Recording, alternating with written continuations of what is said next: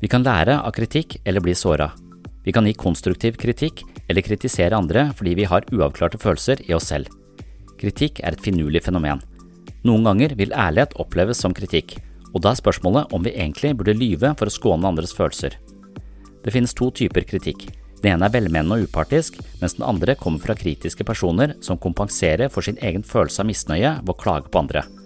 Hvordan ytrer vi og mottar kritikk? Det er spørsmålet i første del av episode 177 på min podkast Sinnsyn. I denne episoden reflekterer jeg også over evnen til å ha gode relasjoner basert på oppriktighet. Noen går bevisst inn for å lære seg sosiale koder, høflige fraser, forførende kroppsspråk og andre mellommenneskelige triks.